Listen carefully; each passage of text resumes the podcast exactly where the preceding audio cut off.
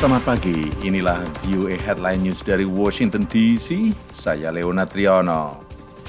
Gedung Putih pada hari Selasa mengumumkan bahwa konferensi tingkat tinggi demokrasi internasional akan diselenggarakan Maret 2023 dan dituan rumai bersama Costa Rica, Belanda, Korea Selatan, dan Zambia. KTT yang pertama kali digelar tahun 2021 itu akan menunjukkan kemampuan negara-negara demokrasi dalam mengatasi tantangan terbesar dunia, kata Gedung Putih.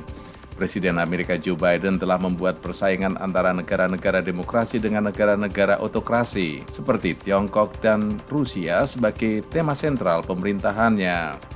KTT Demokrasi Biden yang kedua diumumkan ketika spekulasi tentang apakah Biden akan maju dalam Pilpres Amerika 2024 atau tidak terus berkembang.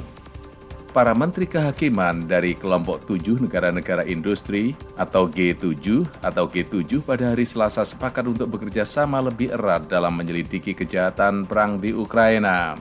Menteri Kehakiman Jerman Marco Buschmann mengumumkan kesepakatan itu setelah pertemuan para menteri di Berlin yang juga dihadiri Jaksa Agung Ukraina dan Ketua Jaksa Mahkamah Pidana Internasional. Allein die ukrainischen Ermittlungsbehörden haben mittlerweile fast 50.000 Fälle von Kriegsverbrechen. Penyelidik Ukraina sendiri telah mencatat hampir 50 ribu kejahatan perang dan memiliki sekitar 600 tersangka, kata Buschmann. Artinya ada ratusan ribu bukti yang harus dikumpulkan. Kami melakukan hal itu sebagai negara-negara G7 dan Mahkamah Pidana Internasional di seluruh dunia.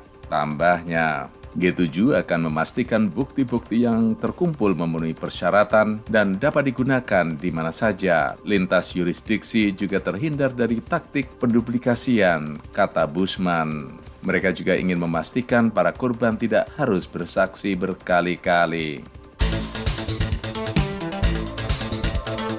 Anda mengikuti Headline News, VOA Washington. Sekretaris Jenderal PBB Jens Stoltenberg mengatakan selasa, Ukraina yang sekarang melawan invasi Rusia suatu hari akan bergabung dengan aliansi militer barat untuk menentang langsung Presiden Rusia Vladimir Putin. Pintu NATO terbuka, kata Stoltenberg dalam pertemuan para menteri luar negeri negara-negara anggota NATO di Bukares, Rumania. Dia memperbarui komitmen untuk keanggotaan Ukraina yang pertama kali diajukan pada tahun 2008 tetapi kemudian terhenti.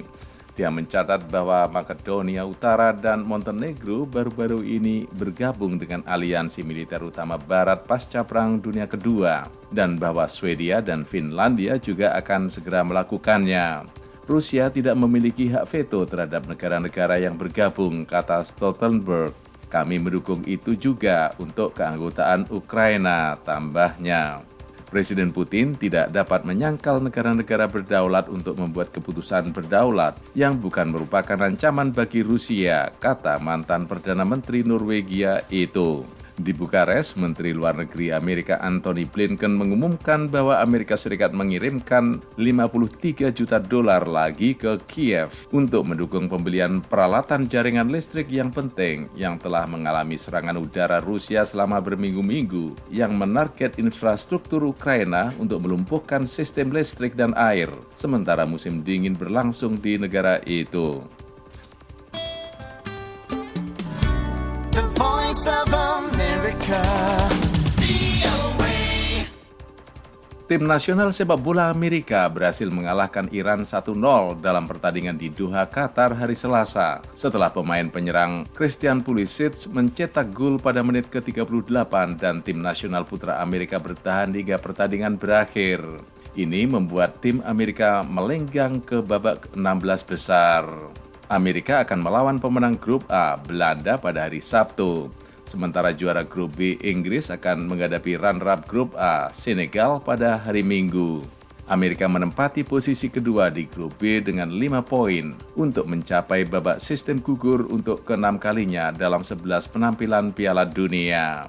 Iran hanya membutuhkan hasil seri untuk maju dari grup untuk pertama kalinya. Demikian VOA Headline News dari Washington DC, saya Leonard Triono.